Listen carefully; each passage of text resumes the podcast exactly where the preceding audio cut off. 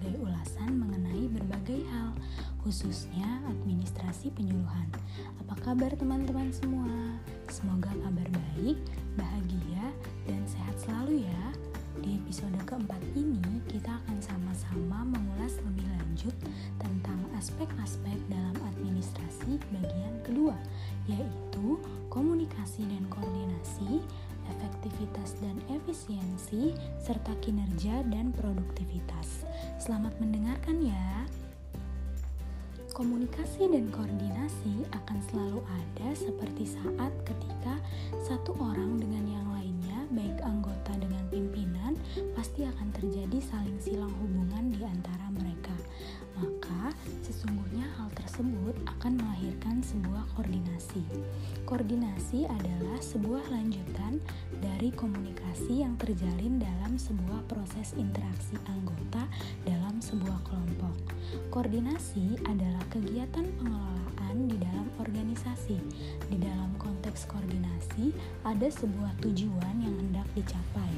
Untuk menentukan tujuan, maka diperlukan sebuah komunikasi.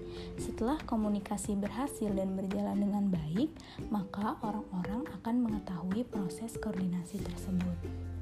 Lain hal dengan komunikasi, komunikasi belum tentu memiliki koordinasi. Tujuan koordinasi adalah untuk mengarahkan atau menyelaraskan. Koordinasi adalah sebuah pengaturan dan manajemen lanjutan untuk mencapai tujuan yang telah ditetapkan bersama. Karena tidak akan berhasil suatu kegiatan dalam organisasi jika tidak ada komunikasi yang dilanjuti dengan koordinasi untuk menghindari miskomunikasi dalam pekerjaan yang akan atau sedang dilakukan. Aspek selanjutnya adalah efektivitas dan efisiensi. Efektivitas dapat dikatakan ketika tujuan tercapai, juga mendapatkan hasil yang telah dilakukan dengan benar sampai tujuan tercapai. Nah, sedangkan efisiensi terkait dengan ketepatan, kesesuaian, serta bagaimana proses mengerjakan dalam melakukan suatu pekerjaan dengan penggunaan SDM, penggunaan waktu, tenaga, pikiran, maupun dana dalam jumlah yang sedikit. Efisiensi adalah ketika sebuah output lebih besar dibandingkan inputnya. Aspek yang ketiga adalah kinerja dan produktivitas. Kinerja merupakan bagaimana kompetensi atau kemampuan dalam melakukan pekerjaan sesuai dengan tupoksi yang ada. Sedangkan produktivitas merupakan hasil kerja yang dapat dilihat dari kinerja seseorang. Harapannya, output lebih banyak daripada input. Untuk melihat kinerja dalam menilai pada tingkatan individu tersebut, organisasi mencakup kinerja proses dan kinerja individu. Nah, untuk mencapai kinerja yang bagus, maka dapat dilihat dari tugas pokok yang telah dijalankan. Terdapat enam kriteria untuk mengukur kinerja.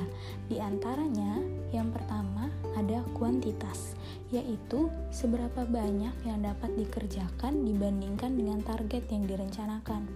Yang kedua, ada kualitas, yaitu kesempurnaan dari tugas terhadap keahlian karyawan. Indikator ini sangat penting untuk kemajuan atau kemunduran posisi suatu perusahaan atau organisasi. Yang ketiga ada timeless, yaitu durasi dan manajemen waktu yang efisien dalam mengerjakan suatu kegiatan. Keempat, cost atau effectivity, yaitu penggunaan dana yang baik. Kelima, need for supervisor, merupakan adanya seseorang yang berwenang untuk memberikan sebuah arahan. Dan yang terakhir adalah interpersonal import, yaitu kelangsungan tiap individu. Penilaian produktivitas dapat dibedakan menjadi dua metode, yaitu kuantitatif dan kualitatif. Kuantitatif menjadikan jumlah angka sebagai tolak ukur produktivitas karyawan. Pengukuran kuantitatif cocok diterapkan untuk bagian seperti distribusi barang dan bagian produktif dan bagian produksi. Supervisor atau manajer dapat mengukur melalui perhitungan dari standar produksi yang berlaku pada perusahaan tersebut. Nah, sedangkan kualitatif yaitu menghasilkan penilaian lebih subjektif. Cara pengukuran ini cocok untuk pekerjaan yang membutuhkan analisis dan perkiraan, juga tingkat ketepatan atau akurasi. Nah, teman-teman, itu tadi adalah ulasan mengenai aspek-aspek dalam administrasi bagian kedua. Semoga ulasan kita di episode kali ini dapat bermanfaat dan menambah pengetahuan teman-teman semua ya. Sekian dari aku di episode keempat ini. Istirahat sejenak dengan mengulas sejenak. Sampai bertemu di episode selanjutnya.